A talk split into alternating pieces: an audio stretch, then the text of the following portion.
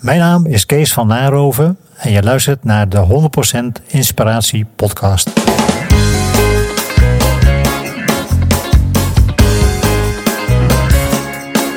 Hey, wat goed dat je luistert. Hij staat weer voor je klaar.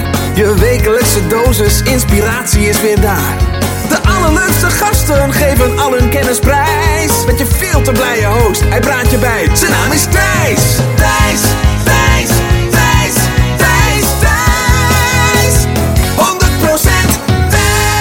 Welkom bij aflevering Intens 108.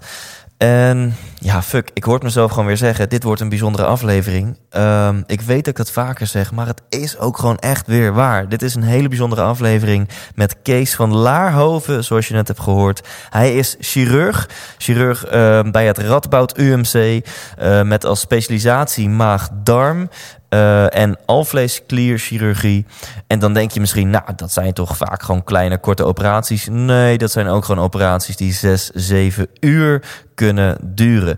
Nou, ik ben super excited om twee redenen. Want aan de ene kant ben je succesvol als chirurg. Dus um, ben ik heel benieuwd naar het um, verhaal van, van Kees om um, chirurg te worden. Ook nog eens afdelingshoofd, heelkunde te worden. Uh, natuurlijk ben ik ook wel heel erg nieuwsgierig. Hoe ga je als chirurg om met ja, het feit dat je op een normale werkdag in mensen moet gaan snijden? Dat het soms gaat om leven of dood. Uh, op dat gebied zijn ook hele leuke vragen van luisteraars ingestuurd. Dus bedankt daarvoor. Um, en natuurlijk ben ik ook nieuwsgierig naar zijn visie op gezondheidszorg. En um, daar heeft Kees een hele bijzondere visie op. Want um, ja, hij zegt eigenlijk een beetje kritisch. We hebben meer een uh, ziektesysteem dan een zorgsysteem. En uh, laten we alsjeblieft weer naar een zorgsysteem toe gaan waarbij levensstijl heel erg belangrijk wordt. En ja, ik ben heel excited. Ik wil graag het halve interview nu gaan reproduceren, maar Kees kan het allemaal veel beter uitleggen dan ik. Dus deze, ja, deze focus hoor je terug in het interview. Enerzijds um, zijn persoonlijke succesverhaal als chirurg en anderzijds um, vanuit alle kennis en ervaring die hij heeft, uh, gaan we het hebben over zijn visie, over de toekomst van de gezondheidszorg.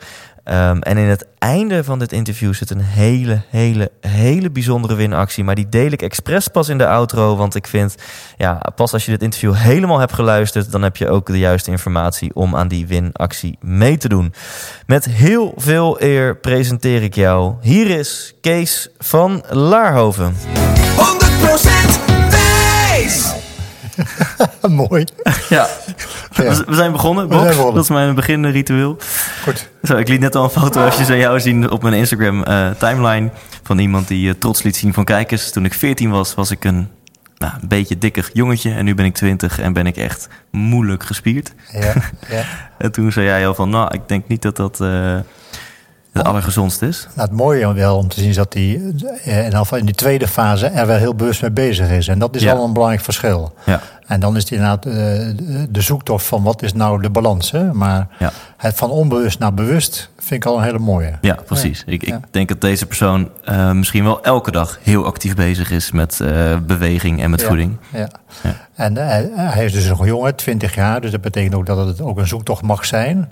En je mag verwachten dat als hij dat in zijn mindset houdt dat hij de komende jaren wel een zekere balans vindt. En uh, het spreekt mij wel aan in elk geval. Ja, ja, kijk, dat vind ik wel mooi. En ik, ja. ben gewoon heel nieuwsgierig. En misschien, misschien is het ook vragen die je helemaal niet weet. Maar ik ben heel ja. nieuwsgierig. Het, het zo super gespierd zijn. Heel laag vetpercentage. Vaak heel veel proteïne eten. Heel veel weightlifting doen. Ja, um, ja je zegt positieve kant is. Je bent in elk geval bewust bezig met, je, nou, met je lijf. Uh, maar is dat niet de manier om. Uh... Nou, je hebt, je hebt denk ik goede richtlijnen, internationaal wel. Ik, ik weet ze toevallig vanuit de Amerikaanse gezondheidsrichtlijnen. Dat uh, uh, matig of intensieve sporten drie tot vijf keer per week, een half uur tot een uur, eigenlijk optimaal is. veel meer, daar stellen ze zich vraagtekens bij.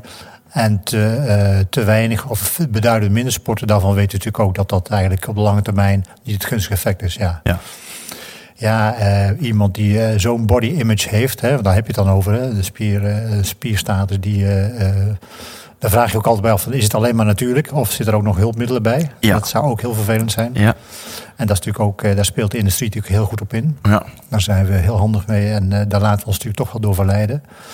Ehm, maar als ik ook kijk naar eh, nou, jonge mensen in mijn afdeling die eh, toch echt heel erg eh, met sport bezig zijn. Eh, en dan ook wel eh, nou, stevig gespierd zijn. eh daar denk ik van, nou, daar kan ik nog wat van, van meenemen eigenlijk. Ja, ja. Ik, ik vind het wel goed. Het, het, het, zet ze ook, ook Ja. mentaal heel erg in de kracht. Ja. Mooi. Ja, ik vind het een mooi antwoord. Ik, ik, ik dacht misschien ga je antwoorden van nee, dat is een manier om nou, voor je vijftigste allerlei erge ziektes te krijgen. Want het is geen gezonde levensstijl. Maar je, je bent eigenlijk best positief over mensen die gewoon super ja, enthousiast met hun lichaam bezig zijn elke dag. Ja, eh, en dan denk ik mentaal en fysiek bezig zijn. Dat is eigenlijk het mooiste, hè? Ja. Dat, eh, die combinatie. Ja. Ja. Oké. Nou, dit was even een ongepland zijweggetje. Ja, mooi. Eh, eh, Kees, wat wil je worden als je later groot bent? Ja, die vraag heb ik al eens eerder gehoord, ook bij eh 360 feedbacks en bij eh boardingspekken. Ja? Eh, ik, toen en ook nu zou ik zeggen, eh, ja, de toekomst is nu. Dus wat wil ik worden in de toekomst? Eh, wa- waar ben ik nu mee bezig? Is voor mij eigenlijk nog minstens zo belangrijk. En ehm, waar ik eigenlijk, eh, ik, ik heb niet zo'n duidelijk beeld van wat ik nog anders zou willen worden. Eh, maar wat veel belangrijk is van, ben ik, ben ik bezig met de dingen die voor mij zinvol Ja. voelen? En kan ik in de organisatie waarin ik werk daar ook mijn ei kwijt? Kan ik mensen meekrijgen? Kan ik het uitleggen? Kan ik mensen enthousiasmeren om eenzelfde soort visie te ontwikkelen? Of kan ik me, voel ik me aligned met de visie van de organisatie waarin Ja. ik werk? Ja. En dat geeft in het hier en nu, denk ik, eh, heel veel eh, tevredenheid. Ja. En dan is de kijken waar je, hoe je verder gaat. Nou, ik vind het mooi dat je zegt, eh, de, de toekomst is nu. Ja. Meer in het heden leven maakt Ja. ook veel gelukkiger dan te veel gefocust zijn op de toekomst. Ja, En in het nu stel je jezelf de vraag, hoe kan ik zinvol zijn? ja, ja. Ehm, wat zijn jouw ideeën daarover? Ja, als ik, als ik kijk naar mijn eh carrièrevloep tot nu toe, is het best wel aan het veranderen. Eh verandert natuurlijk elke 15 jaar, is ook logisch. Maar de laatste eh, vijf tot tien jaar ehm, komt er meer een besef bij van zijn we nog wel helemaal met het goede bezig in ons vak. Hè? Mijn vak is chirurgie. En ehm, met operaties patiënten van een actueel acuut probleem afhelpen. Ehm, dat moet ook gebeuren, dat is belangrijk. Dat moet ook op de goed, zo goed mogelijke manier blijven doen. Maar eh, de zorgconsumptie neemt toe. En de vraag is of eh, die chirurgie eigenlijk altijd wel het beste antwoord is. En daar denk ik meer over na. En dan, dan kom je meer in de fase van... ehm, wil ik niet aan dat vak chirurgie of aan, aan ons vak van traditioneel behandelen van mensen... niet een nieuwe richting geven. En dat, dat houdt me wel erg bezig. Dat voelt als Ja. nuttig. Dus je zegt, je vraagt je soms af of chirurgie wel het juiste antwoord is.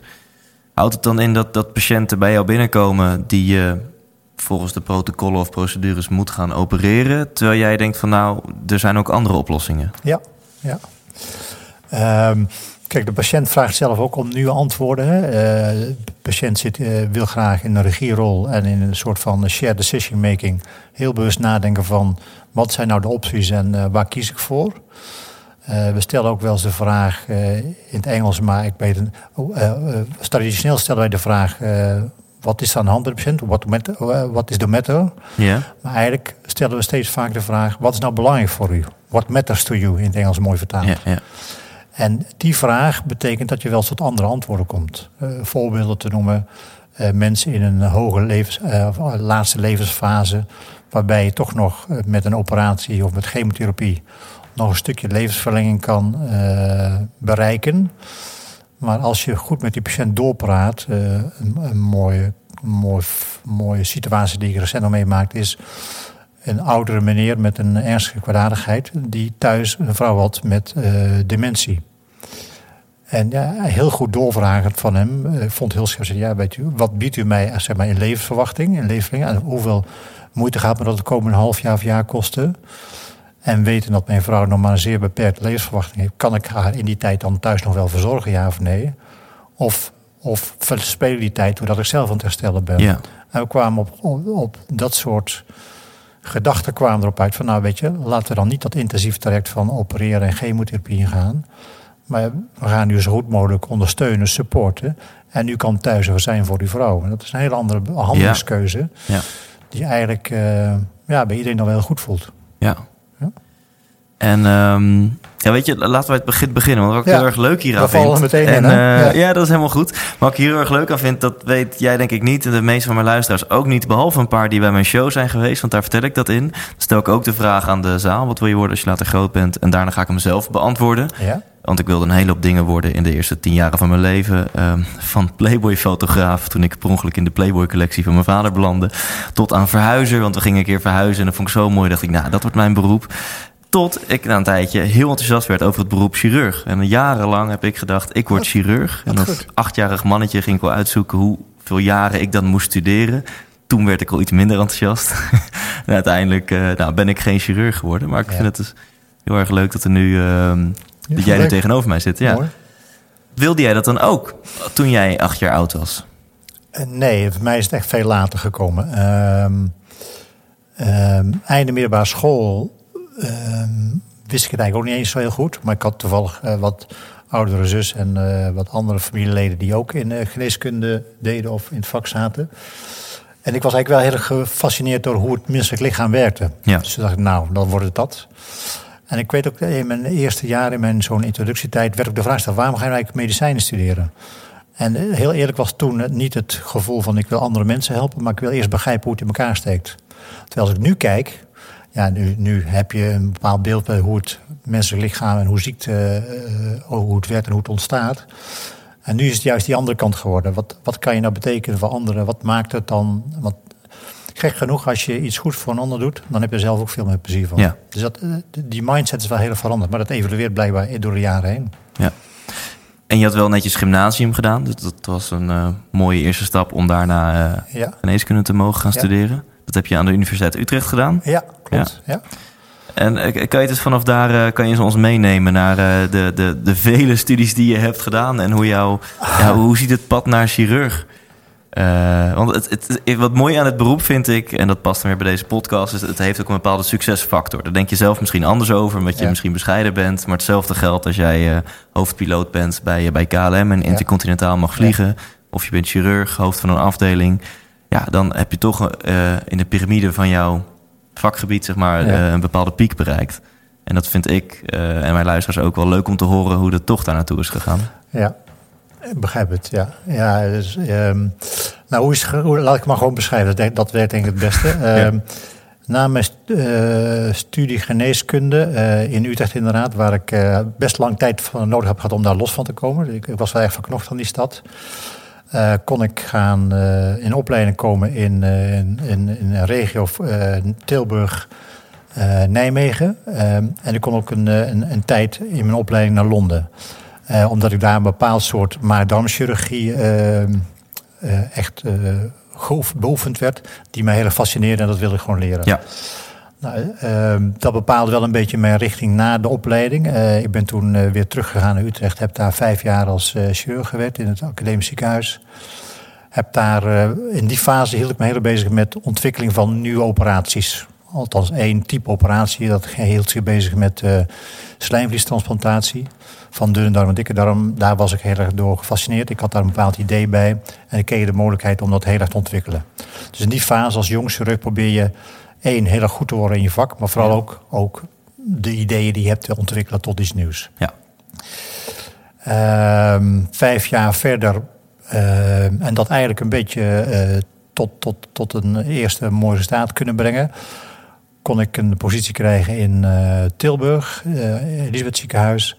En daar heb ik vervolgens tien jaar gewerkt als echt perifeer chirurg, waarbij je in een, in een, vond ik in een sterk team ehm, de kans kreeg om gewoon je vak nog verder te ontwikkelen. Echt eh, het, het te gaan beheersen. Dat, Die fase komt dan pas eh, dan eigenlijk heel gek. Want even voor het overzicht. In 1990 ben je daar begonnen, begrijp ik het goed? Als ik, Ja, eh, 90 ja. tot eh, eind 99. Ja. En toen had je dus al tien jaar gestudeerd. Nog na je, zeg maar, na je gymnasium. En dan nog tien jaar studeren en daarna ging je aan de slag. Ja, het, het voelt anders. Ehm, eh, dus dus ehm, na je studie geneeskunde ga je eigenlijk feitelijk aan het werk. Dan Ja. heb je wel een vervolgopleiding. Ja. Maar ben je eigenlijk ja, fulltime aan het werk. Plus je moet erbij studeren. Ja. Ja. Ja. Eh, dus dat, dat vanaf, ik, ik schat in dat ik vanaf mijn 26 eigenlijk min of meer aan het werk was. Ja. En, En- dan, ja. Ja, sorry, verder? Ja, en dan op je 32e is je opleiding dan helemaal klaar. En dan begin je dus echt als chirurg te werken, eh, zoals ik net beschreef. En, maar dan komen er eigenlijk nog leerfases erachteraan tijdens het werk. Ja. Ik moet zeggen dat ik eigenlijk in mijn, in mijn het gevoel dat ik eigenlijk een soort plateau heb bereikt van het niveau van werken wat ik kon bereiken. ja. En op, op welke leeftijd, het klinkt niet heel plastisch, maar ik denk dat heel veel mensen het toch interessant vinden. Op welke leeftijd heb je voor het eerst in een mens gesneden? En, en hoe was het om voor het eerst in een levend mens te snijden? Ja, dat was al op mijn 26e dus. Dus Ja. op het moment dat je in een opleiding gaat tot chirurg, dan begin je al daadwerkelijk patiënten te behandelen. Ja. Nou, dat, dat maakt veel indruk. En ehm, En ben je dan eerst de, de assistent, chirurg? ehm, ja. ja? Je begint echt als assistent, eh, je doet alles onder supervisie. En na een paar jaar begin je bepaalde basisskills te beheersen. En dan krijg je dus gedoseerd eh, de eerste dingen echt zelf op te lossen. Ja. En daar doorheen verweven, dat is minstens zo belangrijk, is dat je ook leert echt met patiënten omgaan. Want dat is de voorbereiding, de indicatiestelling, maar ook de nazorg, die is eigenlijk minstens zo belangrijk. Mijn opleider destijds zei altijd, zei wel eens heel gechargeerd, eh, ik kan een aap leren opereren. Dat is niet helemaal waar, maar ik, bedoel, ik, ik begrijp wel wat hij zei. Ja. Hij zei dat zijn natuurlijk toch gewoon eh, vaste ritmes, vaste dingetjes, maar de zorg eromheen, die maakt het verschil. Maar is het niet zo dat de meeste chirurgen gewoon het liefst hun agenda openen en zien alleen maar opereren, opereren, opereren en dat gesprekje vooraf en achteraf, dat ze dat eigenlijk het minder leuke kant van hun job vinden? Nou, de, ehm, ik, ik denk dat dat niet zo is. Ik denk wel dat de kick van een mooie operatie hoe groot is. Ja. Maar de echte voldoening, die komt pas op het moment dat de patiënt eh, eh, en jij en de patiënt na drie maanden dankbaar afscheid van elkaar nemen. Van weet je, het Ja. proces is goed gegaan. Ik kan weer vooruit met mijn leven. Dat geeft wel heel veel voldoening. Ja.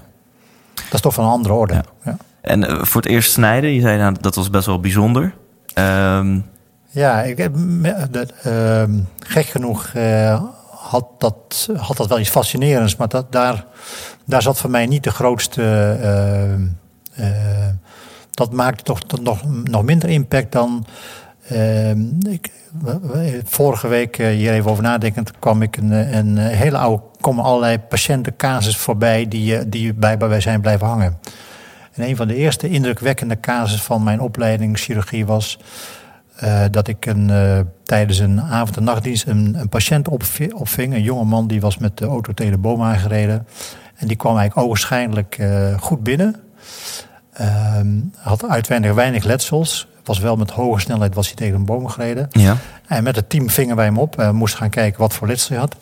En hij riep alsmaar, ik ga dood. En dat maakte zo'n...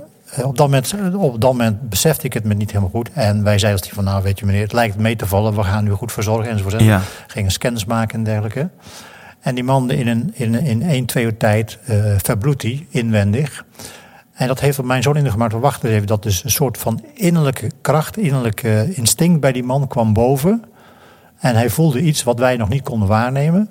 En dat maakte, ja, dat zijn dan dingen die je dus, die, dus die interactie tussen mensen, wat je ervaart bij elkaar, maakt dan heel veel indruk. En hij is overleden aan inwendige bloedingen. Ja, ja die we niet meer konden, Ja. konden stoppen. Want Ja. je kan niet als iemand binnenkomt na zo'n auto-ongeluk, eh, kan je niet heel makkelijk op scans of whatever zien dat hij aan de binnenkant aan het bloeden is. Het ging te snel. Wij, zijn, wij waren aan het opwerken voor een, scan en vanuit daar dan beleid maken. Wat moet je doen? En er bleek dus een, eh, een aorta, dus lichaamsslagaderverscheuring te hebben. En dat, ja, dat, dat meestal heb je voldoende tijd om dat te gaan behandelen. Ja. In dit geval ging het te snel. En hoe, ehm, ja, dat is denk ik ook wel een dingetje in, in, in jouw vakgebied. Je hebt ooit de eerste keer dat je iemand verliest. Ja, Of in een geval als deze, waarbij je ja, er niet zo heel veel aan kan doen. ja, Maar misschien ook een keer dat je wel iets aan kon doen. Dat je Ja. een verkeerde beslissing hebt gemaakt. Ehm, ja, we hadden het net al even, niet alleen fysiek sterk zijn, maar ook mentaal sterk zijn. ja.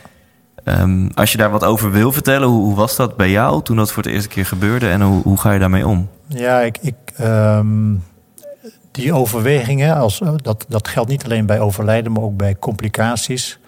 Voortdurend draai je de film terug. Alleen of met je team van hebben we de dingen goed gedaan? Of hebben we dingen eh, verkeerd gezien? Hebben we dingen eh, verkeerd gedaan? Ja, Dus die film die, die speelt voortdurend bij elke patiënt eigenlijk.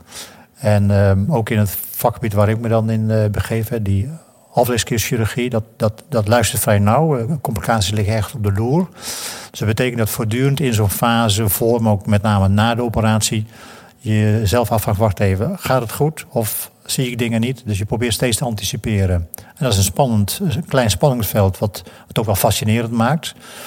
Ja, en soms kom je tegen hele heftige complicaties aan te lopen. En dan moet je als team ook gewoon zo sterk zijn om daar één, heel transparant over te zijn. En twee, ook heel duidelijk met elkaar kritisch de film terug te lopen. Waar zitten de verbeterpunten? Waar kunnen we het beter doen? Ja. En dat maakt impact. Dat neem je wel eens mee naar huis. Ja, want dit, dit, dit klinkt bijna te makkelijk, zeg maar, zoals je het nu zegt. Ik Ja. eh, kan me voorstellen dat dat. dit is de professionele kant. Ja. Ik kan me voorstellen dat inderdaad ook wel wat emoties. eh Ja, hoor, ik, zeker in de eerste jaren zijn er heel wat nachtjes geweest dat je daar dan toch wakker van ligt. Je leert daar wel iets eh, rationeler mee omgaan, maar het laat je niet los. En dat moet ook niet, denk ik, want dat houdt je ook scherp. Ja. ja. Dat mag ook wel wat, wat met je doen, vind ik. Ja. Ja, cool. En, we zeggen allemaal wel eens eh, verschrikkelijke dingen tegen onszelf in ons hoofd, waar je helemaal niks aan hebt. Maar zo werkt ons brein nu eenmaal eh, soms. Ja. Dus kan ik me dan zo voorstellen dat je soms echt denkt van als ik dit niet had gedaan, had deze persoon nu nog geleefd. Ja. Maar dat Er, soort. zijn, er zijn zeker keuzes geweest en eh, handelingen geweest die, waarvan je achter zit, die had ik anders moeten doen. Ja. Ja. Ja. ja. En ehm, heb, je, heb je daar, daar word je ongetwijfeld ook in getraind, neem ik aan. Ja. Ehm, heb je daar een bepaalde ehm, manier voor om daarmee om te gaan? Nou, wat ik ervan geleerd heb door de jaren heen is... eh, de, kijk, de- volgens mij is de, de natuurlijke reactie als je jong bent om het, eh, om het weg te stoppen. Ja. En dat komt toch terug. Dus op het moment dat wij, ook, ook als ik in mijn team zie bij jonge mensen... dat ze ergens mee lopen, hè, eh, er ligt een patiënt met een complicatie of, of nog erger... en je ziet iemand stilletjes acteren, dan gaan we in gesprek. Ja. Wat is er aan de hand? Wat, Ja. wat doet het met je? Eh, waar zit je mee? En dan, en dan zie je dat mensen vaak wel open komen, open gaan. En dan, dan heb je daar het goede gesprek over. Dus, dus het is meer een soort teamcultuur geworden. Ja. Eh, en eh, we hebben ook van die, wat we dan noemen, eh, multidisciplinaire complicatiesprengers. hè, Met het hele team gaan zitten. Ja. En de casus, als het niet goed is gaan, van A tot Z helemaal uit te pluizen. En daarvan eh, te leren. Ja. Maar daardoor ben je dus met z'n allen wel open naar elkaar. Ja. En dat is ook heel erg, eh, nou ja, wel hedend eigenlijk dan. Ja, dus, dus eigenlijk is de. Wat jullie doen is met name erover praten. Ik hoor hier niet in dat je zegt, nou we hebben een protocol. Je, je, hè, je hebt niet een specifieke aanpak. Het is meer dat je erover praat en het op die Ja, manier verwerkt. Ja, toch wel. We hebben dus natuurlijk heel veel ligt in protocollen vastgelegd. Dat is, Ja. dat is noodzakelijk, is ook wettelijk verplicht Ja. natuurlijk. Ja. En we hebben van die, wat we dan noemen, eh, PDCA-cycli. hè, Dus eh, eh, Ja. verbetercycli. De, de Waarbij- Plan, Do, Check, Act Ja, eh, precies. cirkel. Waarbij je dus heel, heel nadrukkelijk de verbeterpunten opzoekt. Maar dan ook gaat vervolgen. Want hebben we het dan ook echt veranderd? Ja of? Hebben we het verbeterd? Ja. Ja. Nee, maar ik bedoel meer voor het, voor het persoonlijke trauma, zeg maar. Je hebt natuurlijk in de psychologie en in de NLP... je hebt je natuurlijk een hele hoop eh, dingen die je kan doen... om jezelf te herprogrammeren of trauma's te overwinnen, et cetera. Dus hebben jullie een bepaald protocol echt voor het persoonlijke trauma... als, Ja. als chirurg of arts? We hebben, ehm, ehm, we hebben wat we noemen een, een ik zit even naar de term afkorten, dus ook het, het BOT-team, in ieder geval het bedrijfsopvangteam. Ja. Op het moment dat er zich een ernstige complicatie of een calamiteit voordoet bij een patiënt, dan heeft dat natuurlijk allereerst eh, heel veel impact op de patiënt of op de, op de familie, maar ook op het team. En dan gaat het, dat team van de- dat, dat bot-team gaat echt met die, met die medewerkers aan de slag. Van luister, eh, hoe, hoe gaat jouw verwerking? Waar kunnen we jou in helpen? Dus daar hebben we wel echt goede, goede instanties Ja. voor je. Ja, Nou, nu we het hebben over deze kant van de medaille... moeten we het natuurlijk ook hebben over de andere kant. Die is een Ja, stuk mooier. dat mensen misschien met minimale overlevingskansen of, of kansen op genezing eh, bij jou aan tafel en uiteindelijk op de operatiekamer komen. Ja, En dat, eh, ja, dat je hun leven weet te redden. de mooie resultaten. Ja. ja. Nou, ehm, andere ehm casus die van, een paar, van, van nog maar een paar jaar geleden die me toch steeds bijblijft, is een. eh, ik kreeg op een gegeven moment een, eh, een, een oude mevrouw van 86 jaar bij mij uit de polykliniek. Die kwam over uit India. Kwam oorspronkelijk uit Nederland, maar woonde bij haar eh, dochter in India. En bij haar was alvleesklierkanker vastgesteld. Maar een vrij kleine tumor, die, die technisch heel goed operabel was. Maar ik, ik haal haar op uit de wachtkamer. We liepen samen naar mijn eh, spreekkamer. En ik vond haar een beetje frail en niet zo... ze liep met een wandelstok. Maar ze was heel kordaat en zeker naar woorden. En zei tegen mij, dokter, ik ben hier gekomen. Ik wil door u geopereerd worden. En ik dacht bij mezelf, nou, dat, dat dacht ik niet. Dat gaan we niet doen. Maar zij was heel... eh, eh, eh, heel standvast en ook heel goed, goed geïnformeerd. Ze wist Ja. precies de stand van zaken. En zei, nou ja, ik, ik, ik, ik kom van ver, daar gaat het niet helemaal om. Maar ik, ik, u hebt goede resultaten, ik wil gewoon door u geopereerd worden. En ik, ik merkte aan mezelf dat ik begon te draaien en een beetje omheen begon te draaien van, ah, wil ik dit wel? Want voelt het wel safe, ja of nee? Het gaat dus om de indicatiestelling. Welke patiënt kan een operatie aan en welke niet? En, en hoe ga je daarmee om? En ik bedacht me een tussenweg, nou weet je wat, we hebben natuurlijk hele goede geriatrische, oudere geneeskundigen. Laat hij uh, met u praten en kijken of u inderdaad fit bent voor zo'n operatie, want het is een grote operatie. En dan, dan spreken we elkaar over een week opnieuw en dan gaan we dan kijken welke kant het ja. gaat. Nou, zo kwam na een week keurig terug en uh, de geriater zag geen enkel beletsel om haar te opereren. Dus ik zat een beetje in het schip. ik zei, oké, nou, u, ziet, u weet mijn twijfels, maar uh, zo objectief mogelijk als we het nu hebben, uh, lijkt dat we ervoor moeten kunnen gaan. En ze is ook inderdaad ook, nou, echt goed door de operatie heen gekomen. En een half jaar later zat ze weer in India en kreeg een kaartje met kerst van uh, het gaat me goed en uh, een mooi traject hoe het gelopen is. Dus het leerzame ervan was, je hebt je biases. En, en, en als je dan maar goed in gesprek gaat met zo iemand. Ja. En in dit geval was de patiënt die echt zelf regie nam en ook in de shared decision duidelijke mening had. Ja.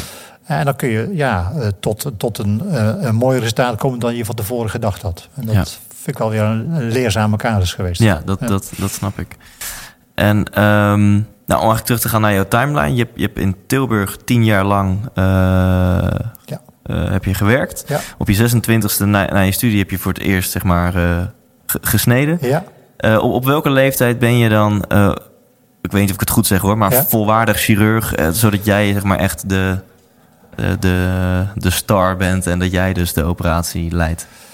Nou, um, afhankelijk van de gradatie van de operatie, maar als je kijkt naar de, de, de, de, de, de moeilijkere, de, de zwaardere operaties, dan denk dat je toch nog wel een paar jaar na je opleiding uh, doorgroeit tot je zeg maar, op dat stabiele niveau uitkomt. Ja. Dus ik zou zeggen dat je tussen je 35 en je 40ste schat ik in dat iemand dat de meeste mensen wel op, hun, op het plateau uitkomen. Ja, ja. ja.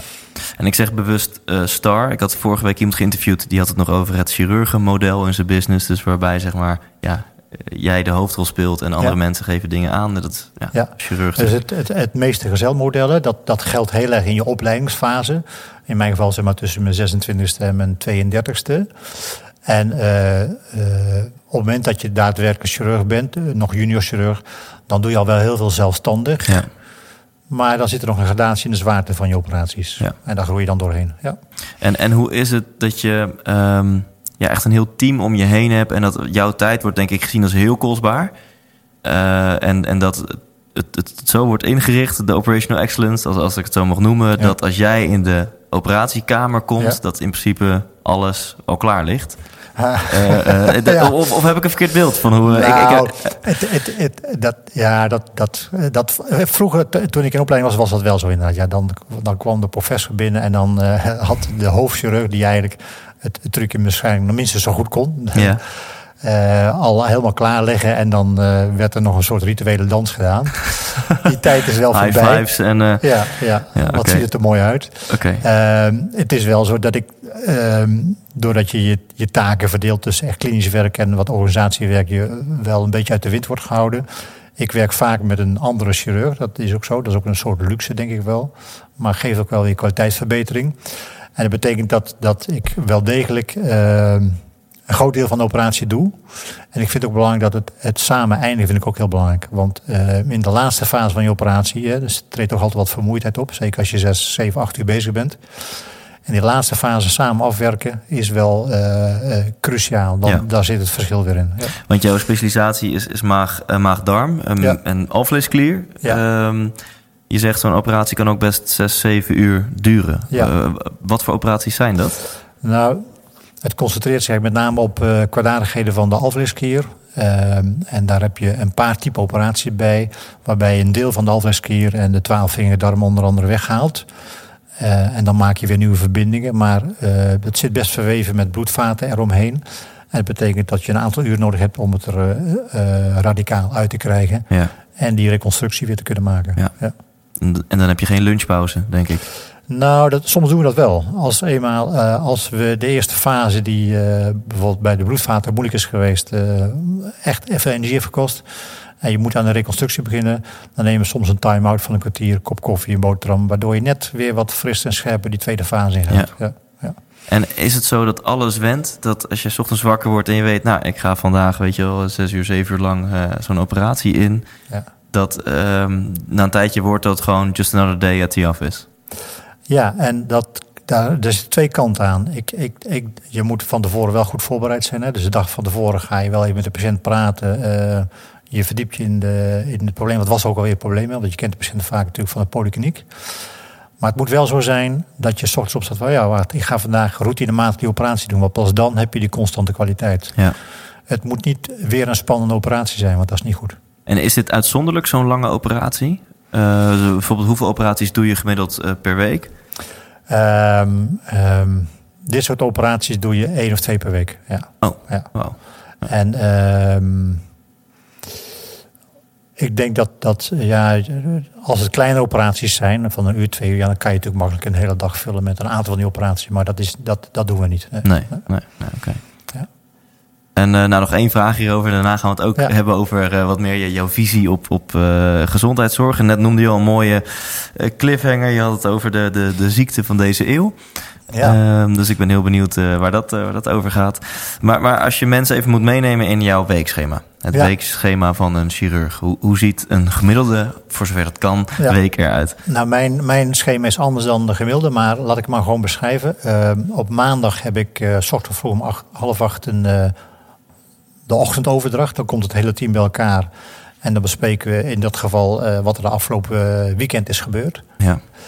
Dan om acht uur heb ik vaak een eh managementteambespreking. Dan begint om negen uur mijn polykliniek. Die loopt zo door de dag door tot, tot drie, vier uur. Vaak heb ik tussen de middag dan nog een intensive care bespreking. waarbij alle mensen op de IC met een heel team van intensivisten wordt besproken. Eh, om vier uur hebben we weer een overdracht. eh, ter voorbereiding op de avond-nachtdienst. En dan zit er vaak nog een, eh, een bespreking achteraan. Op dinsdag opereer ik standaard de hele dag. Ook weer eerst overdracht en dan opereren. Woensdag heb ik vaak veel besprekingen. Donderdag zit ik met een team na te denken over hoe onze, onze Radboud UMC zich aan het veranderen is. Qua organisatiestructuur, qua Ja. allerlei andere thema's. Ehm, en vrijdag heb ik eh, ook weer een variëteit van eh, aan eh, agendapunten, vergaderingen enzovoort enzovoorts. Ja.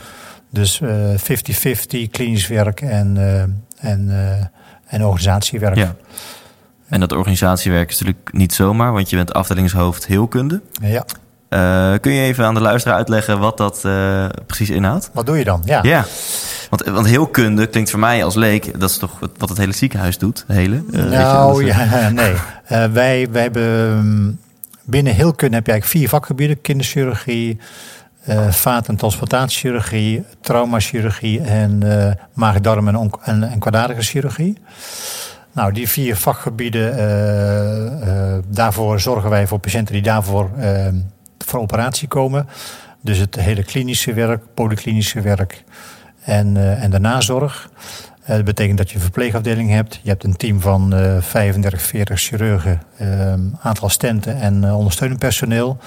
En dat team moet die klus klaren. En dat doe je in samenwerking met andere afdelingen, zoals anesthesiologen, intensivisten, internisten, maag-darm-leverartsen, orthopeden. Kortom, allerlei andere specialismen die vergelijkbare eenheden hebben en die dat stukje van de zorg voor hun rekening nemen.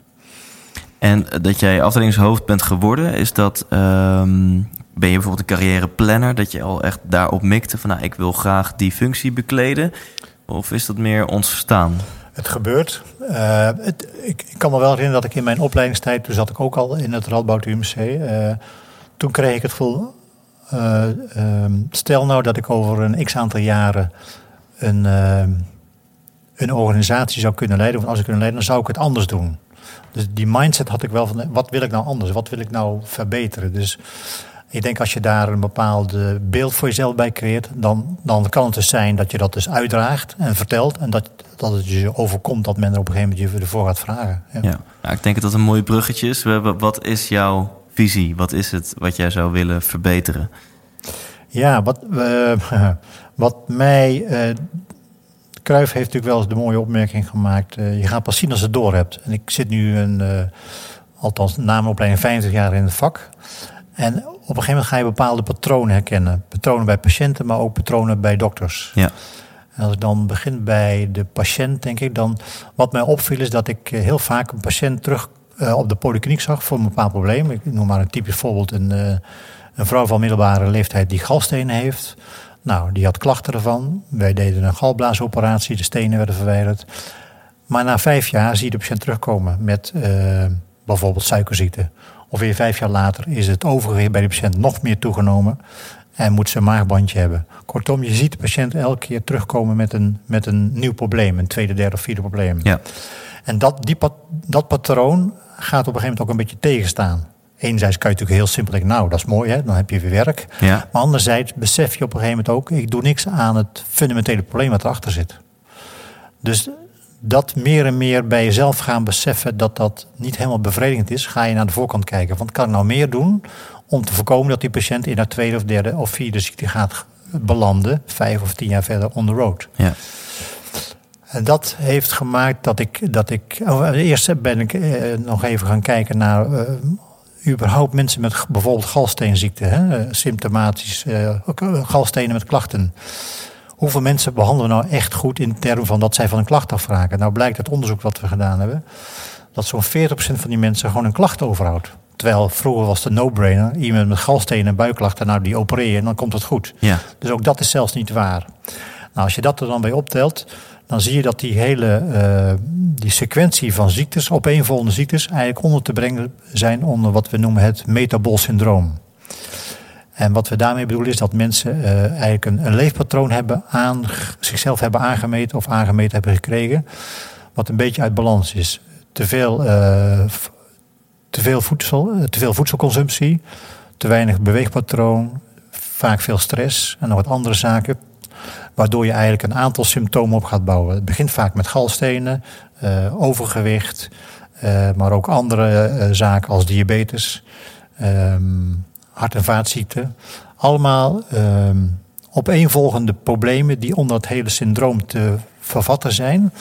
Waarvan je eigenlijk aan de voorkant wil gaan bekijken. Hoe kan ik nou voorkomen dat jij uiteindelijk in, Ja. die, in die situatie terechtkomt. En is deze mindset al nieuw? Zijn de protocollen in principe gewoon gericht op... oh, je hebt een probleem aan, eh, aan A, dan gaan we dat oplossen op de oppervlakte... en we kijken niet naar de levensstijl die heeft geleid naar dit probleem? Als ik kijk uh, uh, in, de, in mijn uh, eerste fase en de opleidingstijd, zeg maar tussen 80 en 2000, was die mindset er helemaal niet. Was het echt de, de traditionele manier van behandelen is: oké, okay, wij, wij behandelen reactief, symptomatisch de ziekte. Ja. We kijken niet naar de voorkant. Ja. Nu is er denk ik veel meer bewustzijn van dit. Heel veel mensen denken op deze manier. En, uh, maar nog steeds is preventie slechts 3% van ons gezondheidszorgbudget. Zo. Van de 90 tot 100 miljard besteden wij nog maar 3% aan preventie. Dat ja. betekent dat we ons gezondheidszorgsysteem, wat in mijn ogen echt een ziektezorgsysteem is, maar helemaal geen gezondheidszorgsysteem, echt nog helemaal niet daarop ingericht is. En, um, maar dat, dat, dat vraagt enerzijds natuurlijk een bewustwording van de patiënt.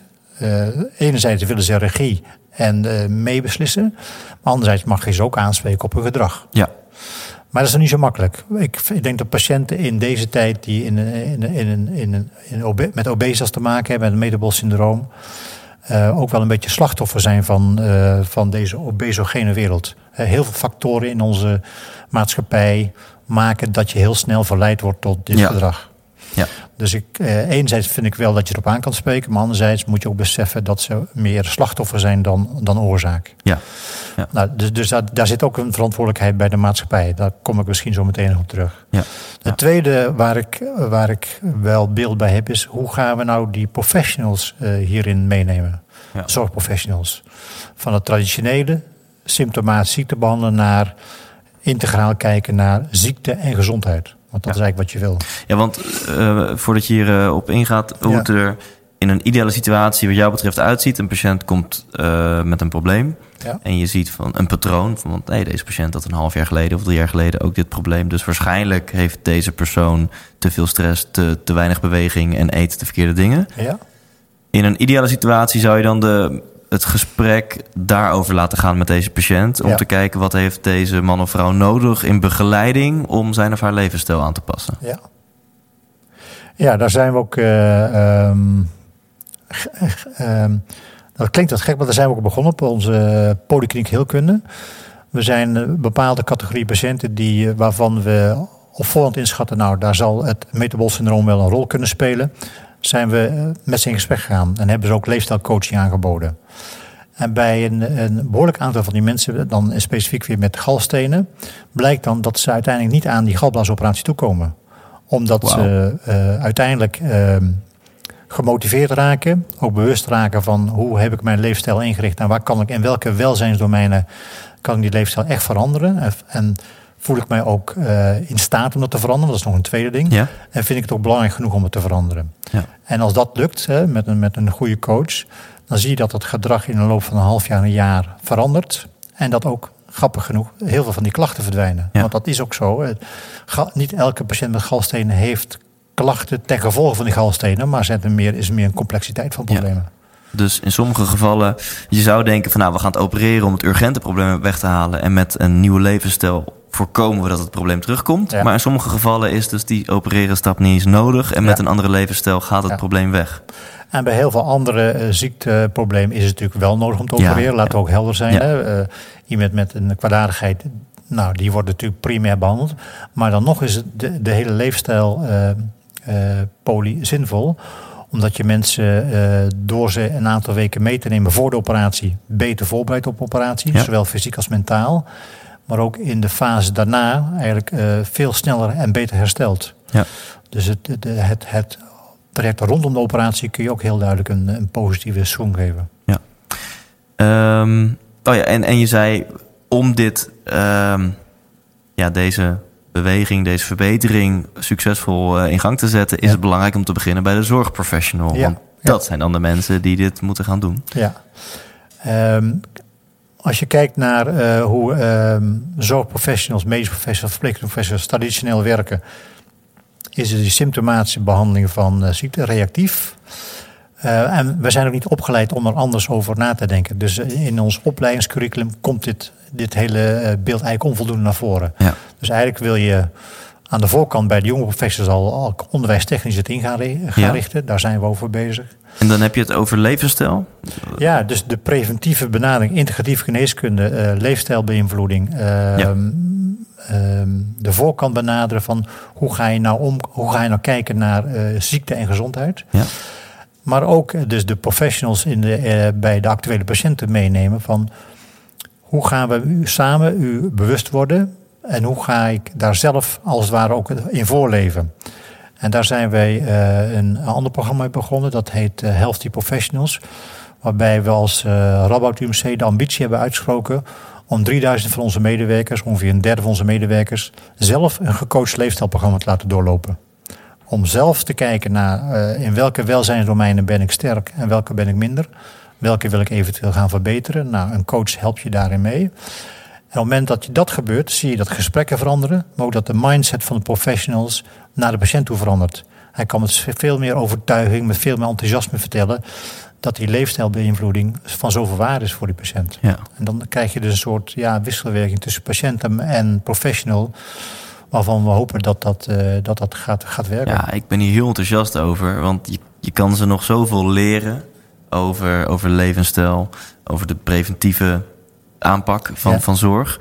Ehm, maar je kan ze het veel beter laten ervaren. Ja. En, Ja. en is, dit, is, heb jij mede opgezet? Het Ja, Healthy we Professionals Program? Ja, we zijn met een, eh, ehm, met een team zijn we ehm, begonnen. Eerst hebben wij eh, als tien afdelingshoofden binnen het Radboud UMC... eh, hebben zelf zo'n eh, leefstijlprogramma gedaan. Een gekozen leefstijlprogramma bij, eh, bij, bij is Een bedrijf wat daar eh, veel ervaring mee heeft.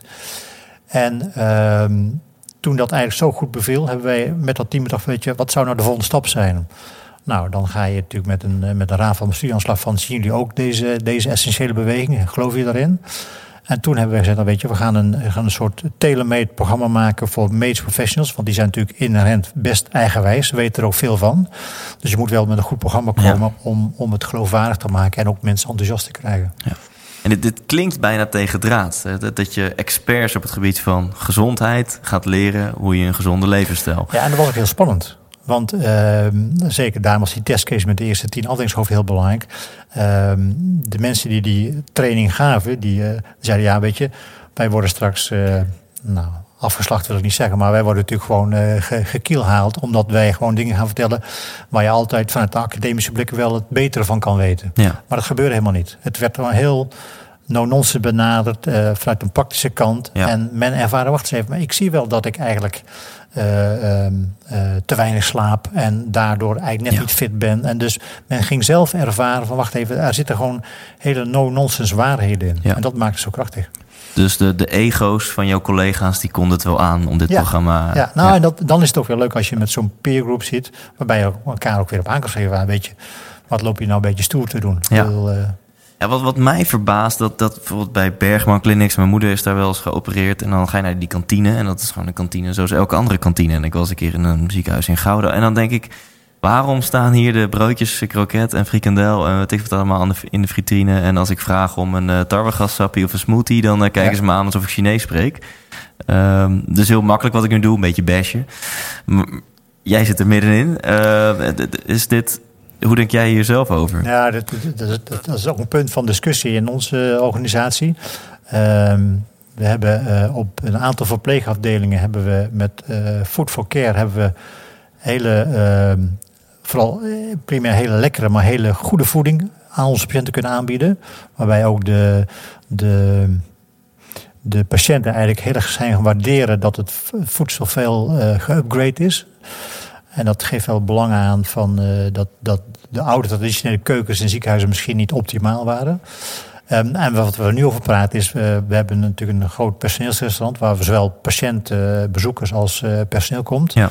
En ook daar liggen nog steeds kroketten. En wij vinden, weet je, dat moet nu veranderen. Wij moeten als wij zo'n Healthy Professionals programma nu aan het ontwikkelen zijn of aan het doorvoeren zijn, dan moet je het ook op alle, allerlei niveaus ook in de Ja. keuken van het restaurant terug zien komen.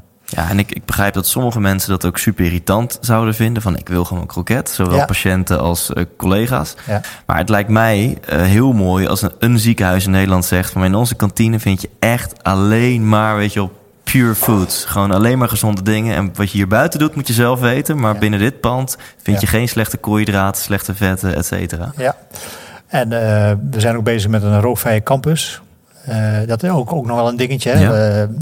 Ja, mensen die echt die behoefte hebben, dan, dan ontneem je ze wel iets. Maar het is wel een soort filosofie waarvan ze zeggen, weet je, het moet toch mogelijk zijn dat, dat je ook tussen je, tijdens je werktijden gewoon niet rookt en eh, gewoon Ja. functioneel bezig bent. Ja. Maar het zijn wel eh, steps die we moeten maken. En ik ben heel nieuwsgierig, die, die eerste pilot met het Healthy Professionals programma. Eh, Ja. hoe, is dat, hoe is dat bevallen? We hebben nu zo'n eerste 150 eh, medewerkers. En we proberen echt alle, alle lagen van de organisatie te bereiken. Hebben we het programma doorlopen. Ehm, en we hebben dat ook geëvalueerd. En je ziet verbluffende resultaten bij de eerste medewerkers. Ehm, en niet helemaal onverwacht is, zit het, als je het kijkt naar de domeinen, zit het meer in werkstress en eh, zelfs eh, burn-out ratio's die, eh, die verbeteren. En veel minder op overgewicht of Ja. op eh, dat soort zaken. Maar dat heeft u te maken ook wel met de beroepsgroep. Ja. Maar daar zit dus voor ons heel duidelijk de winst te halen. Ja. En, en de filosofie is heel duidelijk. Als je een grote groep mensen eh, inderdaad tot een, tot, met name in dat domein kunt gaan verbeteren, dan krijg je gezelligere medewerkers. Ze zijn productiever. We zullen minder ziekteverzuim krijgen. Dus business-wise voor het ziekenhuis is het ook gunstig. En mensen in een betere flow ja, gaan toch heel anders met hun patiënt om. Dus daar doe je het ook om. Ja, dus het is altijd korte termijn denken als je dit aan. Het geldt ook voor, voor ondernemers en voor leidinggevende en managers. Hè. Als Ja. je de werkdruk te hoog hebt in je team, Ja, dan heb je dus meer stress, minder slaap. ja. Op korte termijn is dat misschien leuk, wat extra marge. Maar op de lange termijn is dat eh desastreus. Ja, en als je kijkt naar hoe de gezonde zich ontwikkelt. Hè, eh, eh, ehm, bijvoorbeeld eh, het aantal verpleegkundigen eh, is steeds moeilijker, vacatures steeds moeilijker in te vullen. Ook, ook wij zien dat inmiddels. Dus daar komen tekorten. En dan wil je vooral ook dat je wel diegenen die bij je werken wel goed in hun vel zitten en in de flow zitten. Om daarmee die werkdruk die er toch is, wel goed te kunnen managen. En het, het doel om een derde van jullie personeel, 3000 man en vrouw, te, Ja. te op te leiden. Uh, hoe staat het daarmee? Nou, we, uh, komend jaar gaan we er uh, 300 doen. En we willen eigenlijk elk jaar een, een verdubbeling of liefst zelfs een verdriedubbeling maken. Waardoor je in een paar jaar tijd die 3000 mensen bereikt. waarbij de gedachte is, dan is het echt bottom-up helemaal ontstaan. Dan is het een, ja. een niet omkeerbare beweging. En dan, uh, dan gaan we ook impact hebben op onze gemeenschap. Eén, op onze werkgemeenschap, want dan gaan die 10.000 of die 9.000 medewerkers gaan wel uh, mee in deze beweging. Maar vervolgens heb je ook een hele community van gezinnen daaromheen. Dus dan ga je ook in de stad ga je impact maken. Ja. En wat vinden, wat vinden jouw collega's ervan? Want ik, ik heb wel eens een uitspraak gehoord van ja, chirurgen willen gewoon snijden. Ja. Uh, hoe, hoe valt het bij jouw collega's? Nou, dat is, wel, dat is natuurlijk wel fascinerend. Uh, ook vanuit mijn eigen positie. Juist in een chirurgendom, wat toch heel erg, uh, uh, ja, ook wel aan, aan, zijn eigen gedachten goed vast wil houden. Komt nu van binnenuit deze beweging. Dus dat is best even dealen met elkaar. Van ja, ja wat vind ik er dan van? En toch zie ik dat steeds meer mensen, ook binnen mijn eigen afdeling, die meedoen aan het programma, er enthousiast over worden. Dus het, het ontwikkelt zich wel. Ja. En men mag er ook wel wat van vinden in het begin. Hè. Ik bedoel, niet alles is rocket science. En nee ook leefstijlgeneeskunde uh, aan zich is, heeft ook zijn, zijn bewijs nog niet helemaal geleverd. Daar is ook nog wel een dingetje. Hè? Ja.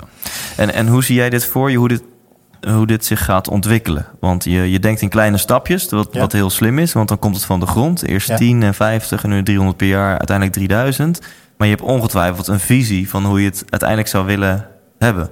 De, want je noemde het net al, we hebben eigenlijk geen, geen zorgsysteem, maar een ziektesysteem. Ja. Uh, hoe zou dan een zorgsysteem eruit zien? Nou ja, wat, wat, als ik verder weg zou kijken, dan zou het zo mooi zijn als we uh, echt een, een, een Radboud community hebben die uh, integratieve geneeskunde gekoppeld met technische innovatie, want daar zijn we natuurlijk ook heel erg van. Hè? Ik bedoel, ja. Het gaat echt over, uh, over van, van molecule tot man tot population, hè? de technische ontwikkelingen, maar denk ook aan genavigeerd opereren, andere technische zaken als. Um, uh, nanomedicine, um, um, CT en MRI-geleide technieken. Kortom, de hele technische kant en die integratieve kant. Die combinatie, dat is, vind ik wel de ontwikkeling voor een academisch instituut om, om te gaan. Maar ook om, heel, om te combineren. En ik vergeet eigenlijk bij de, de e-health technology, hè, de, de hele... Uh, big data en monitoring wereld, die kan ons heel daarin helpen. Want ja. daarmee kunnen we laten zien wat werkt en wat niet ziet en wat niet werkt. En, dat, en ik vind dat we als academisch instituut daar de regie moeten nemen. Ja. Maar dan vervolgens moet het ook transmuraal naar de nullijn, de eerste lijn, maar ook naar de regio, het netwerk waar we in zitten. Uh, moeten we een soort van netwerk ontwikkelen waarbij de patiënt niet meer terugverwezen of doorverwezen wordt, maar juist door, doorbehandeld wordt. Hè? Ja. De lijn moet doorgaan vanuit het ziekenhuis naar de huisarts, naar ja. de thuiszorg, waarbij je een continuum creëert, waarbij de, de patiënt uh, reis, patient journey, niet bij de achterdeur van het ziekenhuis stopt, maar het eigenlijk een continuum is wat doorgaat. En um, in Amerika is dat denk ik nog veel erger dan hier, maar, maar, maar ziekte is natuurlijk business. Ja. Uh, een patiënt die chronisch ziek blijft, levert veel meer euro's op dan uh, een patiënt volledig genezen. Ja. Um, loop je echt tegen dit soort barrières nu al op? Dat je gewoon merkt dat de wereld ja, zo in elkaar zit van ja, maar we, we moeten de, de operaties uitvoeren, we moeten medicijnen schrijven, want we moeten geld verdienen. Ja, helaas is dat, zitten, die, zitten die verkeerde prikkels wel in het systeem. Al heel, heel simpel, het, eh, het eh, DBC-DOT-systeem, diagnose-behandelcombinaties. Uh, ziekenhuizen, professors worden afgerekend op interventies, op behandelingen. Ja. En um, als je die prikkel eruit zou kunnen halen en bij wijze van spreken het. Er zijn allerlei modellen hoor, waar ik, waar ik, uh, die je kan ja. bedenken. Bijvoorbeeld als je alleen um, betaalt voor diagnosestelling. Onafhankelijk of je dan wel of niet operatief behandelt, maar de diagnose is, de, is, de, is het criterium. En de, dan, wordt, dan is de dokter vervolgens vrij om te kiezen, los van zijn financiële prikkels, ja. wat is nou de beste behandeling.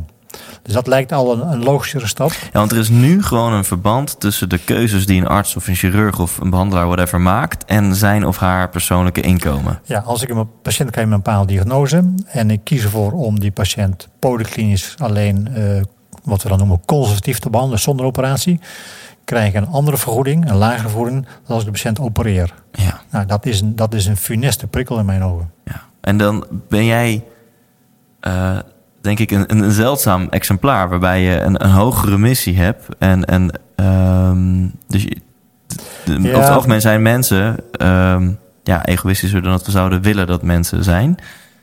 Nou, maar ook, ook, ook daarin zijn, denk ik, de, de, de dokters ook wel een beetje gevangen. Het is een bepaald systeem waar je in zit. Mhm. Ehm, en het- natuurlijk le- levert dat eh, dat men. Eh, dat je zou kunnen zeggen dat men omzetdriven is, maar dat vind ik toch te, te zwart-wit. Ehm, en het, het geeft ook wel een soort van. eh, je ziet wel een soort van professionele desillusie ontstaan. Naarmate je dit alsmaar blijft doen, gaat dat ook wel aan je klagen. Dat zie ik ook, dat zie ik ook bij collega's. Het bevredigt niet. Dus Ja. veel mensen zoeken dan toch uiteindelijk, eh, en dat zal bij mij denk ik ook gebeurd zijn, toch wel, waar ging het nou eigenlijk om? Ja. Dan ga je terug. En er zijn best mooie initiatieven eh, gezien, bijvoorbeeld in, in het ziekenhuis Bernhoven heeft VGZ een, eh, een, een programma ontwikkeld met het VGZ ziekenhuis, met het eh, Bernhoven ziekenhuis, waarbij eh, betere zorg betaalbaarder wordt geleverd. En waarbij je ook ziet dat eh, er ongeveer een kleine 10% minder productie omzet is gegenereerd. Dus minder behandelingen zijn gedaan. Ja. Terwijl de kwaliteit van de zorg er niet op achteruit is gegaan. Ja. Dus het begint wel te ontstaan. Dus een deel van de oplossing kan zijn door het systeem aan te passen. Dat er geen correlatie meer is tussen de behandelmethode en je, je inkomen. Ja, En eh, zolang dat systeem er nog wel is, zou misschien eh, zorgprofessionals getraind kunnen worden in. Ja, maar het, het, het mooiste is toch als je mensen beter maakt. Dat Ja. geeft een veel dieper niveau van voldoening en geluk dan die paar tientjes extra van die duurdere behandelwijze. ja dus ik, ik, eigenlijk zitten we nu op drie niveaus te praten. Ja. Eén, de, het patiëntbewustzijn. Ja. Hè, je mag de patiënt ook, vind ik, op zijn en haar gedrag eh, aanspreken. Het professional bewustzijn. Hè, eh, kijk eens naar je eigen gedrag in eerste instantie. En ervaar van daaruit wat het kan betekenen voor jezelf, maar ook voor je patiënten. En het derde niveau is denk ik, kijk naar de organisatieinrichting. Als, het financiële, als, er, als er verkeerde financiële prikkels zijn, dan moeten we daar wat mee. Ja. Anders, want uiteindelijk blijven die wel heel bepalend. En hoe, hoe reiken jouw ambities hierin? Zit ik hier tegenover de toekomstige minister van, eh, van Zorg en Onderwijs? Nou, ik weet dat- niet of het ministerie zo nog heet trouwens. Maar, eh, Ja, nou, dat denk ik niet. Ik denk dat dat een hele kwetsbare baan is, waarbij ik ook niet weet hoe groot de impact daarvan is. Ja. Ehm, voor mij blijft dan toch steeds. Werk ik in een organisatie waarin ik dat verschil wel kan maken? Dat is, die, is die organisatie sensitief voor wat ik vind? ja. En vervolgens ben ik in staat om in zo'n organisatie ook dat verschil te maken. Dat is voor mij belangrijk. En is het Radboud UMC op dit moment koploper hierin? Eh, zeg maar dat, dat, dat Healthy Professionals programma, is dat uniek? Nou, het, ehm, ik denk dat wij. ehm, eh, eh, het, de- bedrijf waar we doen, Lifeguard, heeft heel veel andere bedrijven al op vergelijkbare manieren geholpen. En heeft een jaar of twee drie geleden de stap gemaakt om in de medische sector te stappen. En dat vonden ze best spannend, hè? want wat we eerder zeiden, ja, dan gaan we met dokters over eh, leefstijl praten en misschien weten zij het wel beter dan wij. Dus wij zijn toen wel als eerste met hen in zee gegaan, of zij met ons. En dat is eh, voor hun ook een eye-opener geweest. Het kan dus toch. Hè. We kunnen toch in dat domein, in die gezondheidszorg, kunnen we indringen. En het heeft hem veel gebracht, veel geleerd. En eh, het heeft bij ons wel heel duidelijk, denk ik, de, de, ja, misschien wel de koplopersfunctie opgeleverd die we graag willen hebben. Ja. Ja. Ja, te gek. En veel andere ziekenhuizen eh, kijken nu naar ons programma. We hebben binnenkort ook een congres hierover. Allerlei ziekenhuizen eh, bestuurders komen kijken. Of dat voor die ziekenhuizen ook een, een, goede, een goed programma gaat worden. En jouw antwoord op mijn eerste vraag was van, eh, nou, de toekomst is nu. Eh, ik vraag nu naar je ambitie en ik, hoor, denk hier ook iets in terug te horen van het antwoord op je eerste vraag. Namelijk van, nou ja, eh, ik kan veel beter doen wat in, binnen mijn macht ligt en elke Ja. dag een beetje. Ja. Hoor ik dat goed? Dat dat meer Ja. jouw mindset is dan En- dat je een, eh, een big hairy goal aan de muur hebt hangen van in 2020 dit. En, Ja, precies. En daar zit ook al een duidelijke evolutie in. in de eerste jaren ben je heel erg bezig met die individuele patiënten waar je het zo goed voor, mogelijk voor wil doen. En waarbij ook zo goed mogelijk wil worden. En nu denk ik meer in termen van hoe kan ik organisatiewijs nu die, die ontwikkeling eh, laten plaatsvinden. Ja. En dat, eh, ja, dat voelt goed. En eh, nou, er luisteren best wat mensen naar deze podcast. Er zullen mensen luisteren die patiënt zijn. Er zullen ook mensen luisteren Ja. die zorgprofessional zijn. Heb jij een bepaalde boodschap voor deze mensen? Ehm, ja, ik zou zo hopen dat we, als we nu een jaar of tien verder kijken, dat die, dat die integrale benadering van uh, gezondheidsbevordering, preventie en maximaal optimaal curatief behandelen, de ziekte behandelen, dat dat één mindset is geworden. En dat elke professional in elk geval uh, vanuit die drie eenheid werkt. Ja. En steeds in die gesprekken met die patiënten daar zijn aandacht heel nadrukkelijk naar uit laat gaan. Ja. En natuurlijk, hij heeft zijn eerste verantwoordelijkheid om dat medisch probleem optimaal, maximaal te behandelen. Maar hij, hij, ik zou hem zo uit willen nodigen om ook vooruit te kijken met die patiënt. Hoe gaat het voor mij over vijf jaar vanaf nu uitzien? Ja. Wat kan ik daarin gaan verbeteren? Ja, want is het voor je gevoel nu nog twee kampen? Het leefstijlkamp met mensen zoals Richard Telet en de, ja, de traditionele gezondheidszorg, het systeem. Ja, ik, ik denk dat er echt nog wel um, een, een, een, een, gevecht te gaan is om deze twee, twee werelden bij elkaar te brengen. Die in mijn ogen ook geen twee verschillende werelden zijn. Nee. Ze horen bij elkaar. Ja.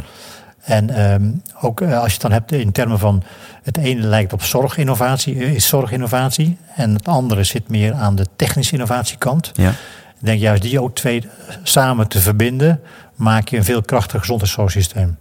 Gebruik juist die e-helft om zorginnovatie door te voeren. Ja. Laat er niet twee verschillende werelden zijn. En ik ben heel nieuwsgierig. Je noemde voor het interview iets van... Uh, we gaan het ook hebben over de ziekte van deze eeuw. Of ja. zoiets zei je. Ja, klopt. Ja. Ik ben heel nieuwsgierig wat je daar dan mee bedoelt.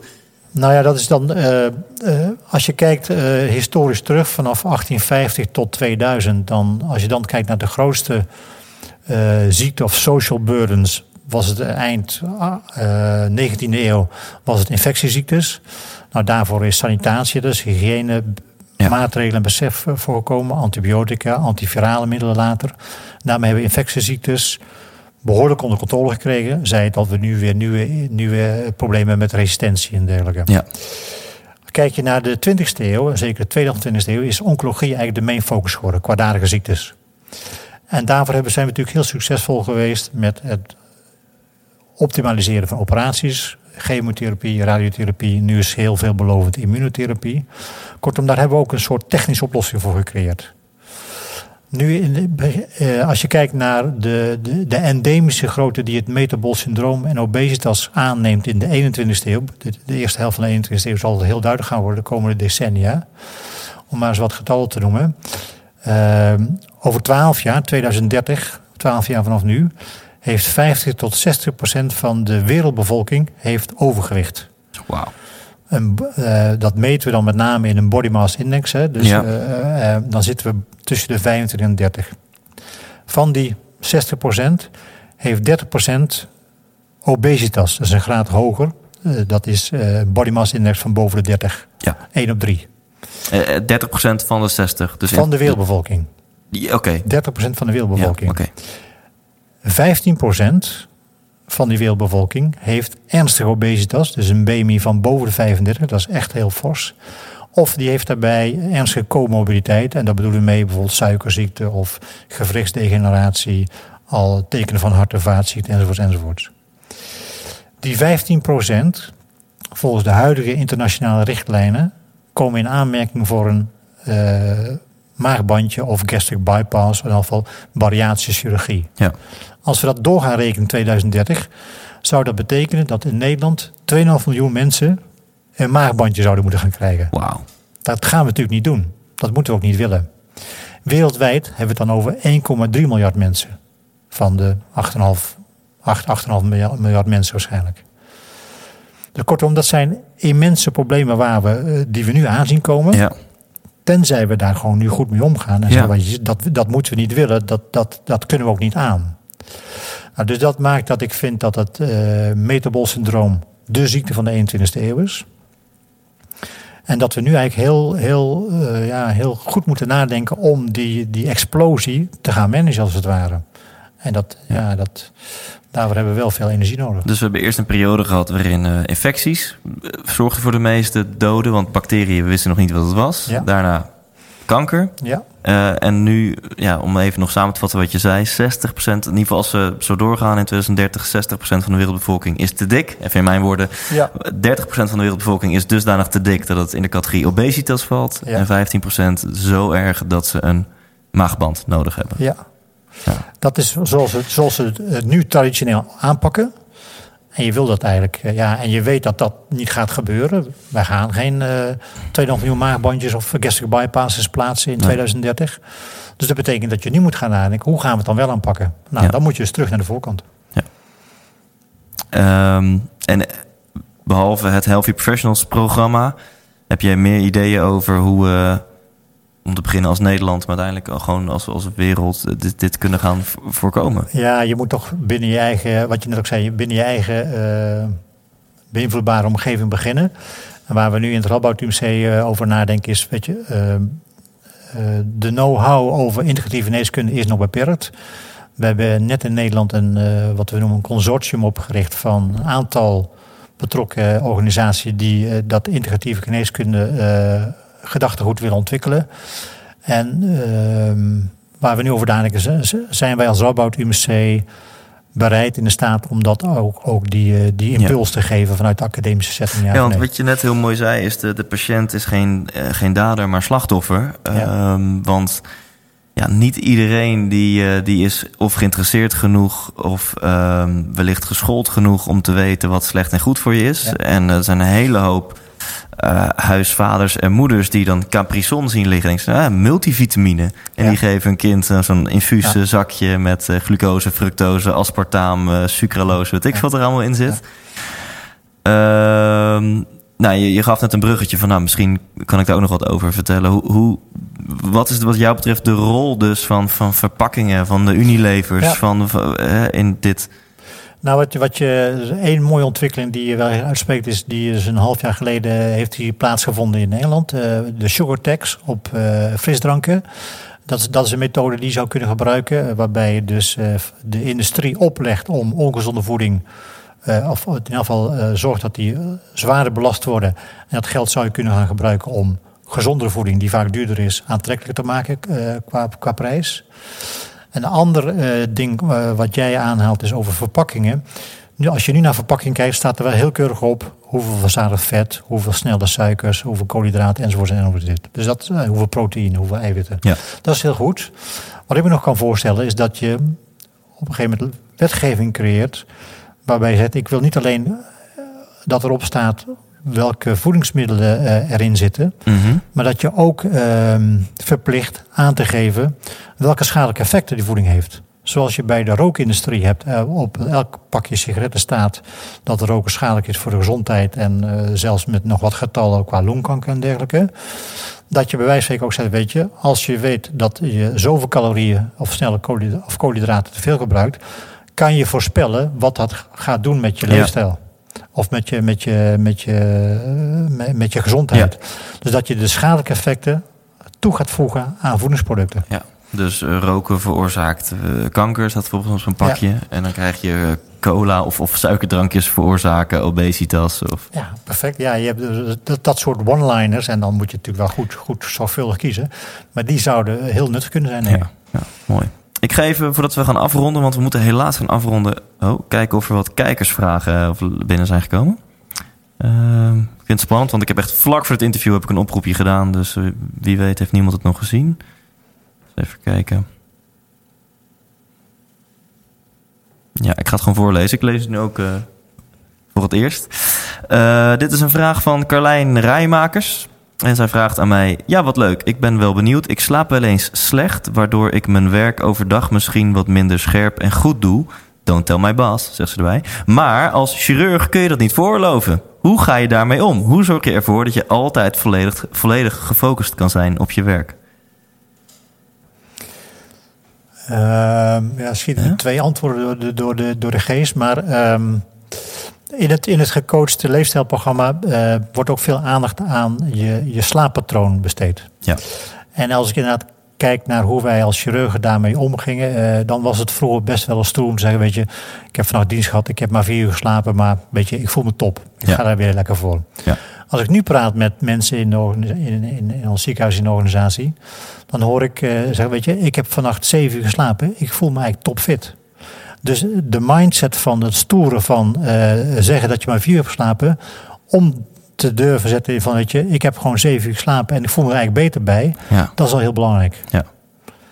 Dus dat is, dat is, dat is de eerste, eerste antwoord Ja, mij door de, de hoofdschiet. Ehm, En dan is haar vraag met name ook van... Ja, iedereen in elk beroep heeft wel eens een off day. Of je denkt, poeh, vandaag eh, heb ik geen focus. En hoe zorg jij ervoor dat je dan Ja, wel... eh, Je, je, kunt, je kunt natuurlijk niet. Wij hebben ook geen, geen magic bullet waardoor je altijd goed slaapt. Ehm, het heeft ook een functie, denk ik, om af en toe eens wakker te liggen. Wat wij wel hebben gedaan is. ehm, wij hebben onze arbeidstijd. Wij hebben als, als medische professionals heb je geen arbeidstijdenbesluit. Dus eh, wettelijk kunnen wij nog steeds, als wij een dag opereren, s'avonds nachts dienst doen, kunnen steeds de volgende dag doorwerken. Wat eigenlijk best risicovol is. Ja. En ook waarvan je je af kan vragen of je dat nog wel wil. We hebben anderhalf, twee jaar geleden gezegd, weet je, dat willen wij niet meer. Ja. Wij hebben het, onze dienstrooster voor chirurgen zo ingericht dat als zij, een, eh, dat zij overdag vrij zijn, een avond en dag dienst draaien en dan de volgende dag weer vrij zijn om te herstellen. En zo kunnen zij een aantal avonden en nacht achter elkaar dienst draaien, maar hebben ze steeds gewoon een dag om te herstellen. En dat maakt dat zij zo'n dienstperiode van een aantal dagen veel fitter en Ja. veel actiever doorkomen. En dat is het beste wat je kan bieden. En, als je op zo'n dinsdagochtend wakker wordt, je weet dat die dag een operatie van 6, 7 uur voor de boeg staat. Ehm, en je, en je, je voelt je ja, toch een beetje eh, duf of, of weinig Ja. energie, whatever. Heb je dan een bepaald, bepaald ritueel wat je doet om jezelf gewoon die focus te, te dwingen? Nou, ehm, dat heb ik niet echt een goed antwoord op. Wat ik wel merk bij mezelf is, eh, doordat ik eh, mezelf op een gegeven moment eh, een heel regelmatig slaapritme ben gaan aanmeten. Ja. Want ik was daar ook aanvankelijk niet zo goed bij.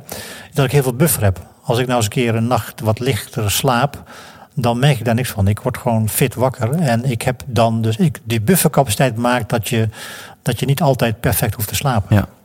Maar als ik eh, vroeger terugdacht, als ik dan een week had gewerkt en ik had één of twee nachtdiensten gehad, dan had je daar vaak wel een paar dagen nasleep van. Ja. En dat ben ik kwijt. Ja, Ja. mooi.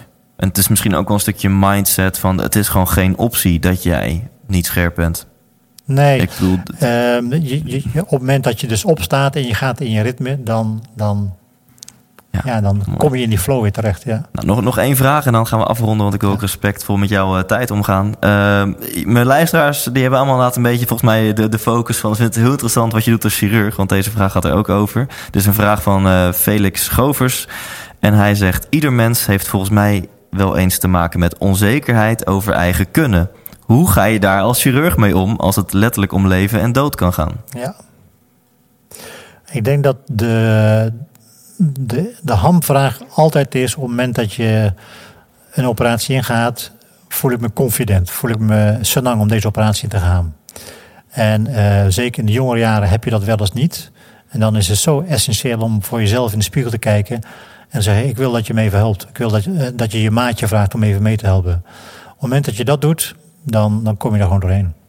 Want ehm, kijk, ik ben spreker en soms in de coulissen gaan wel eens hele motiverende gedachten door mij heen. Zoals, wie ben ik nou om deze 150 mensen toe te spreken? Eh, weet je wel? Gaan ze nou een uur naar mij luisteren? Ik kan het helemaal niet. Nou, dat zijn natuurlijk niet hele bemoedigende gedachten. Dat is denk ik ook waar, waar de vraag eh, hier Ja. over gaat. Her, herken je die als, als chirurg? Dat je soms ook wel kort dat je denkt, "Wauw, het moet, moet, kan ik dit wel? Ja, nou, ik denk dat, dat, dat de- eh, het tweede punt is, als je alle je stappen van je voorbereiding hebt gedaan, dan mag je er ook op vertrouwen dat het goed komt. Meer kan je dan niet mooi. Ik, ik, ik zie het en ik denk dat mensen het ook kunnen horen eh, in je stem. Dat het klinkt gewoon heel stabiel. Van ja, je, je bent na een tijdje ergens goed in. Het is een routine geworden. Het is ook je mindset. Het is je beroep. Ja, Ehm, En dan gaat het gewoon zoals het moet gaan. ja, ja. Is, het is, het heeft toch, en dat, dan, is het, dan kom je terug bij jouw eerste punt. Het is toch wel een lange opleiding en dergelijke. Dat maakt dan wel dat al die facetten zo ingeburgerd zijn, ingebouwd zijn, dat je weet hoe je je voorbereiding treft. En dat je dus heel, eh, ja, nogmaals goed voorbereid aan de start komt. Oké, we gaan afronden met het kennismaking van een hele toffe actie. Ik zal aan de outro hiervan ook nogal eh, iets duidelijker aangeven van eh, wat mensen daarvoor kunnen doen. Maar, want we hebben het gehad over het Healthy Professionals programma. Op 22 november Ja. is het Healthy Professionals Congres, denk Ja. ik. Of het Healthy Ja, and Happiness Congres. Eh, daar kan je in principe niet zomaar bij zijn. Geen open inschrijving. Je kan geen kaartje kopen. Want het is een event van het Radboud UMC. Ja, ja. Maar wij gaan twee van onze luisteraars, kijk even naar de jury, naar Rogier. Eh, die gaan wij blij maken, of meer, dat zeg ik in de outro wel. We gaan in elk geval een paar tickets weggeven voor Ja. het event. Maar onder andere ik, eh, mag, mag ik dat zeggen? Ja, zeker, ik zal daar de afsluiter doen. Over we geluk. zeer benieuwd. Ja, mooi. Eh. Richard Telet zal daar ook een lezing doen. Wel bekend bij mijn luisteraars. En dit zijn maar twee van de tien of twaalf ja. lezingen. De tien lezingen die er gaan zijn.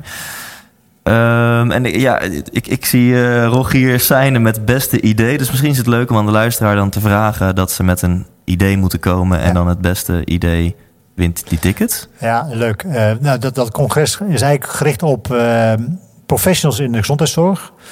eh, die geïnteresseerd zijn in, in dit thema. En eigenlijk wel nieuwsgierig zijn van...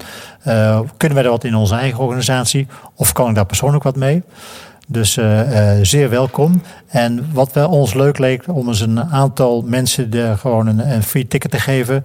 Ehm, en als, als tegenprestatie zou je kunnen bedenken, geef ons nou eens een tip hoe jij in jouw organisatie eh, gezonde leefstijl zou kunnen introduceren. Want wij hebben zelf niet allemaal het. eh, het eh, we- bedenken ook niet alles. Maar nieuwe tips zijn bij ons ook heel erg welkom. Tips Dus, eh, hoe je gezonde levensstijl in de organisatie kan integreren. juist. Ja. Nou, dat vind ik een hele mooie vraag. Dus hierna, luisteraar, blijf even luisteren. Dan noem ik precies wat ze daarvoor moeten doen. Ja. En dit is heel uniek. Ik zit zelf voor een deel in de seminar business. Als dit een seminar zou zijn, zou een kaartje daar gerust 1000 of 1200 euro voor kosten. Maar ik denk dat het nog veel meer waard is dan dat. Het is een unieke dag waarin je, als je dit tof vindt, Healthy Professionals, dan eh, is dat denk ik waanzinnig om erbij te zijn. Ja. We gaan er een mooie dag van maken. Oké, dankjewel Kees. Hartstikke leuk, dankjewel. Box. Oké, oké, je hebt het gehaald tot de outro. Dus hier komt hij. het enige wat je hoeft te doen is te gaan naar thijslindhout.nl slash case. En dat is case met een K. En daar staat een kant-en-klaar formuliertje voor je klaar. Geef even aan hoe je heet, wat je e-mailadres is. En ehm, welk idee jij hebt om het thema gezonde leefstijl in jouw organisatie te introduceren. Wat is jouw briljante idee om het thema gezonde leefstijl in jouw organisatie te introduceren? Ehm, het aantal tickets dat we weg mogen geven hangt van een aantal dingen af. Onder andere de kwaliteit van de inzendingen, maar ook eh, ehm, ja, de, de grootte van de zaal en het aantal tickets dat al vergeven is. Dus ja, mogelijk als jij gewoon met een heel goed verhaal komt, ben je er gewoon bij. We kunnen in elk geval minimaal twee tickets weggeven, maar misschien wel tien. Eh, dus ik zou zeggen, ga naar thijslindhout.nl slash case.